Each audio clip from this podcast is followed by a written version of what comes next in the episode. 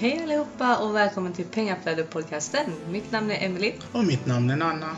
Vi håller på med fastighetsinvesteringar i Storbritannien och den här podden kommer handla om just detta och vi kommer varje vecka ta upp relevanta ämnen och intervjua personer som vi finner inspirerande. Hej! Hej älskling! Vad ska vi prata om idag då? Ja du, vi tänkte ju ta upp eh, lite olika s- typer av fastighetsinvesterare kan man väl säga. Mm. Eh, man brukar prata om fem olika typer så vi tänkte att vi skulle gå igenom dem. Japp. Så kan folk fundera ut vilket steg de är på och vilket steg de vill komma till Japp. och vägen dit. Japp. Mm. Och sen så tänkte du ta några updates på stamp duty där Ja. i slutet. Och idag befinner vi oss i Malmö faktiskt. Det gör vi! Vi har träffat väldigt många intressanta människor. Ja, verkligen. Så det har varit kul. Ska vi köra igång med en gång älskling? Ja, det tänkte jag. Mm. Så, nummer ett. Yes! Accidental investor. Alltså en investerare av misstag. Ja. Och det här gäller alla som har köpt en fastighet för att bo i. Alltså inte som en investering, alltså hyra ut eller någonting. Utan de har bara blivit investerare av misstag. Det kommer tjäna pengar på att fastigheten går upp i värde över tid. Vare sig om de är medvetna om det eller ej. Så det var ingen strategi bakom det alltså. Att tjäna dessa pengarna. Utan det blev bara en positiv grej. Ja, en helt passiv in, eh, som intäkt liksom. Mm. Så det är nummer ett. Och s- de har vi ju också många i Sverige. Det, det finns över hela världen ju. Det, det är ju så. Ja, dessa människor vet ju oftast inte att de har tjänat pengar. Eller de tänker inte på det på det sättet i alla Nej. fall. Nej. Eh, Att man faktiskt eh, kan göra så att man får ut de pengarna. Mm. Men eh, ja, så det är accidental investor. Investera av misstag. Mm. Det är nummer ett. Och sen så har vi eh, cash investor. Om vi tar det på engelska. Mm. Det är ju en investerare som köper fastigheter cash. Japp. Eh, De kanske är rädda för lån. Så de använder inte lån. Eh, Och sen så tjänar de pengar då på hyran och värdeökningen över tid eh, på fastigheterna. Eh, Och det är ju mycket bättre avkastning än eh, många andra typer av investeringar. Mm. Det är det ju. Mm. Men eh, det är ju inte lika bra som om man använder sig av lån. Nej. Nej. Så de som är rädda för lån kanske inte förstår att rätt typ av lån är ingenting att vara rädd för. Utan det är snarare tvärtom. Precis. Mm. Man kan scala upp betydligt snabbare. Och där kommer vi till den tredje. Mortgage Investor. Mm. Och vad är Mortgage Investor? Investerare som använder sig av lån förstår hur man med lån kan få mer för sitt kapital. De tittar på investeringen från en annan vinkel. Visst, det är risk med flera lån på bostäder. Men det är också en risk att lägga ut en stor del av sitt egna kapital. Exakt. Det är det ju faktiskt. Alltså, det kan få exakt lika många fastigheter som en investerare som investerar med cash med mycket mindre kapital. Mm. Värdeökningen blir också densamma. Mm. Men hyrestänkterna blir lite lägre eftersom en del går ju till att betala lånet eller mortgagen. Mm. Men man kan köpa fler fastigheter för samma kapital. Mm. Men man kan köpa fler fastigheter för samma kapital som en som investerar cash och därför får man mer avkastning på samma summa. Exakt. För du får fler fastigheter helt enkelt för dina pengar. Och det är egentligen det där allt handlar om. Ja. Exakt. Sen så kan man ju balansera det. Så att vi säger nu om man är rädd för lån. Så att man försöker betala av sitt lån så att man ligger på typ kanske 50 procent. Och inte 80 eller 75. Exakt. Så ifall om en krasch kommer eller någonting så antagligen kallar inte banken in lånet då Mm. Du för har att det fortfarande är equity- hävstång. Du har fortfarande equity kvar Precis. i eh, hu- värdet då ja. Exakt. Har man också hyresgäster så kan man ju använda hyresintäkterna till att betala av sitt lån och därför inte betala själv amorteringen på lånet. Mm. Det är ju någonting att tänka på. Det beror ju helt och hållet på vad man har för strategi. Är man beroende av kassaflödet varje månad från hyresintäkten då kanske man inte vill använda de pengarna att amortera just nu. Men eh, är man inte beroende av kassaflödet utan man ser på det långa loppet Mm. eh, då borde man eh, betala av lite av sitt lån. Japp. Mm. För det blir ju i när du har betalat av hela lånet med hyresintäkter så är det ju en gratis fastighet. Precis. Så, så kan man också se på det. Men det beror ju helt och hållet på vad man är ute efter som sagt. Mm. Men sen har vi nummer fyra. Det är ju hävstångseffekt på högsta nivå. Nej men då kommer vi till leverage investor. Eh, Och när du kommer till detta steget då är ju din kunskap, erfarenhet och skicklighet eh, din allra största tillgång. Det är det du använder. Då har man blivit så bra på att köpa fastigheter så att man kan förhandla ner priset så mycket att man kan använda en handpenning om och om och om igen med hjälp av bolån hela tiden få ut sin handpenning. Sen självklart så kommer det ju andra kostnader när du gör en deal som legals och valuation och det etc. etc liksom, eh, som eh, kostar. Mm. Och de kanske man får lämna då i varje deal. Men du köper med så mycket rabatt på köpepriset Mm. att när du sen gör en omfinansiering och lägger ett bolån på eller lägger ett nytt bolån på så till det vanliga marknadsvärdet så får du ut din handpenning Ja. och den kan du använda igen och göra likadant igen och likadant igen och likadant igen. Mm. Och det kräver en viss skicklighet. Det tar ett tag att, att komma dit och du behöver göra eh, ett par affärer Mm. för att komma dit också. Eh, och eh, det är ju det som är grejen att det här det kräver mycket jobb, det tar tid, det tar kraft.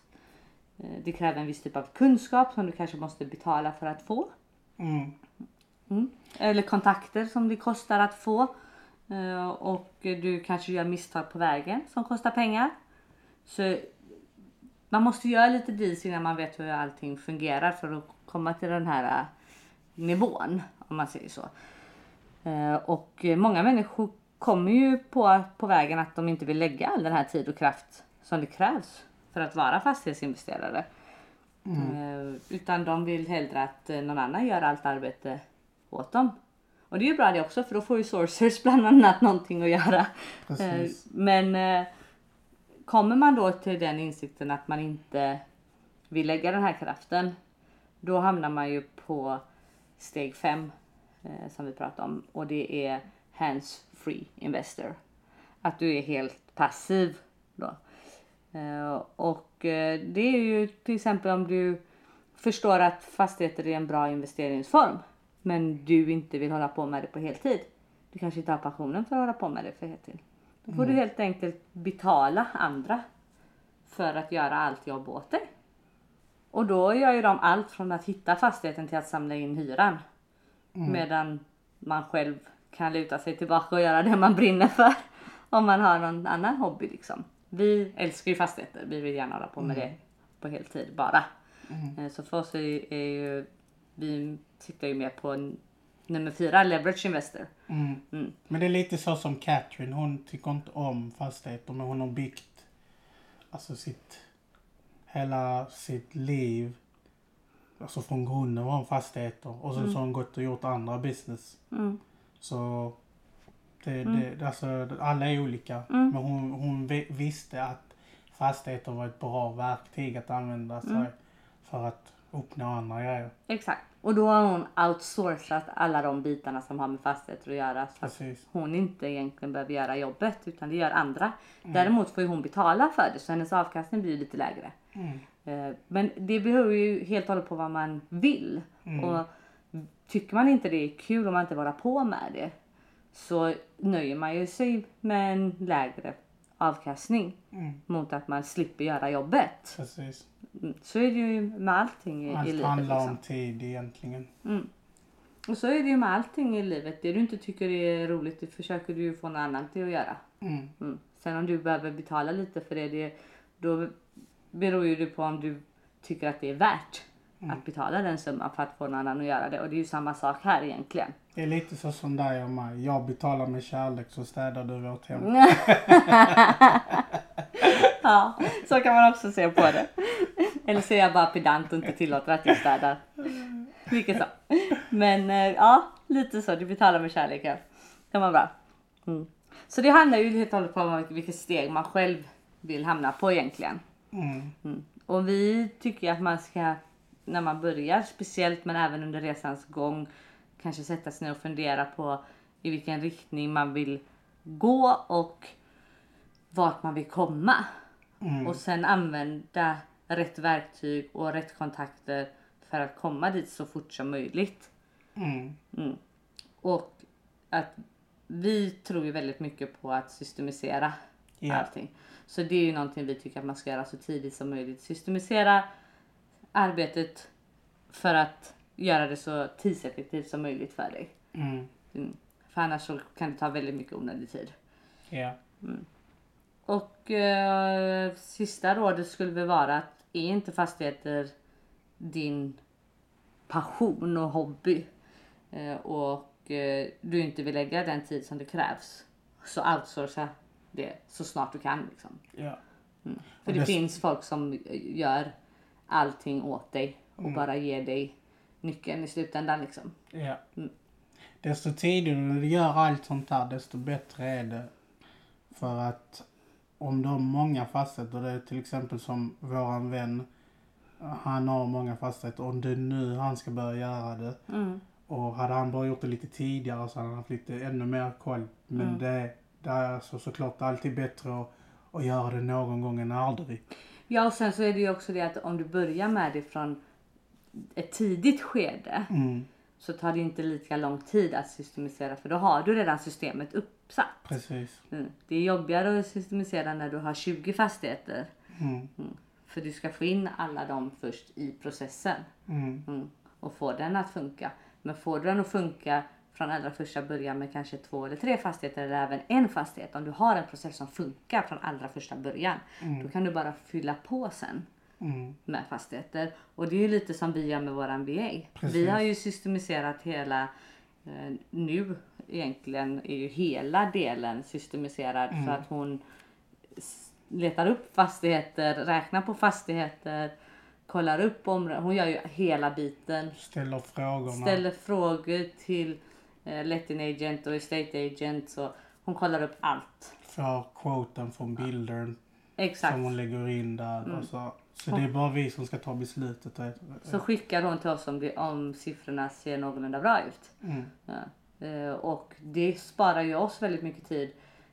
För hon sorterar bort alla deals som är helt onödiga. Vi säger om det är deals som kanske ligger ute på marknaden för ett pris. Mm, Men då har hon redan varit i kontakt med estate agenten och, och de har sagt att ah, men vi har fått det här priset, eller det här budet har vi fått in. mm. Och då har, funkar inte dealen längre för oss. Precis. Mm. Då behöver vi inte lägga någon kraft eller tid eller någonting på att ta reda på någonting om den delen utan den har hon bara sorterat bort. Mm. Mm. Och sen självklart så har vi ju fortfarande kvar den i vårat spreadsheet för den kan ju komma tillbaka på marknaden Japp. igen. Eh, Och då har man ju lite mer utrymme Precis. på den. Eh, Eller så kanske man har mer frågor att ställa om varför den kom tillbaka till marknaden. det kan ju vara ett fel på den som Ja. gör det. Ja. Så vi har ju alltid kvar det eh, ändå. Men då ser ju hon också att den har kommit tillbaka ut på marknaden. mm. Så allt det här är ju systematiserat så hon kan sköta allting. ja, och det ger ju också oss ett bättre läge att förhandla med estate agent och vendor. På grund av att vi vet vad som har skett under den perioden.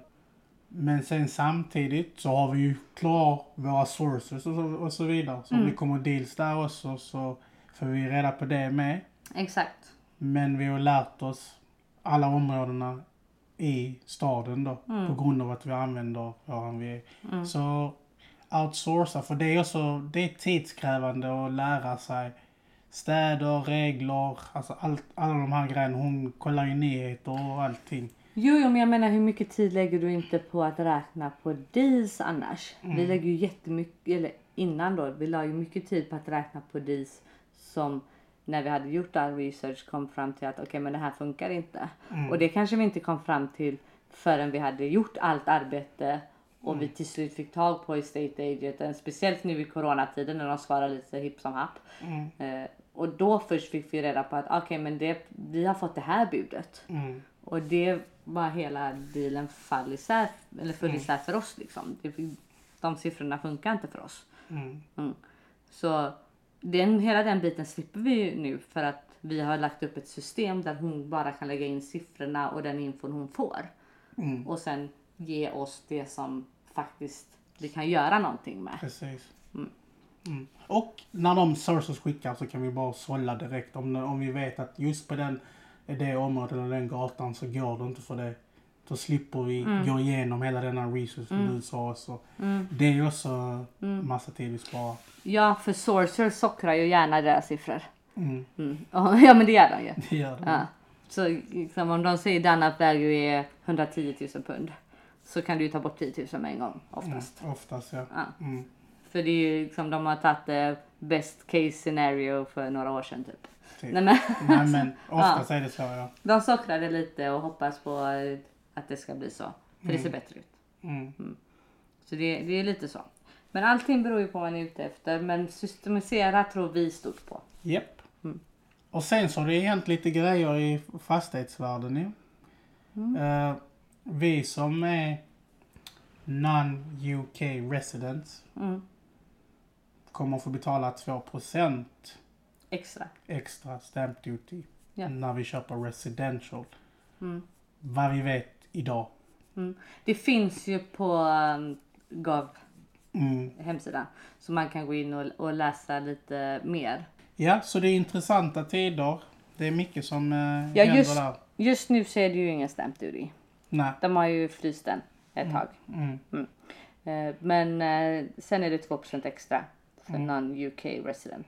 Mm. Eh, Så det får man ju ha mm, i åtanke när man gör eh, sina affärer. Mm. Eh, Och sen uppmanar vi ju att eh, verkligen läsa igenom hela eh, den lagen Ja. och se vad, det, vad man kanske kan komma på för kreativ lösning Mm. Precis. runt det. Det är vad vi hade denna veckan. Ja. Och vad kommer nästa vecka då älskling?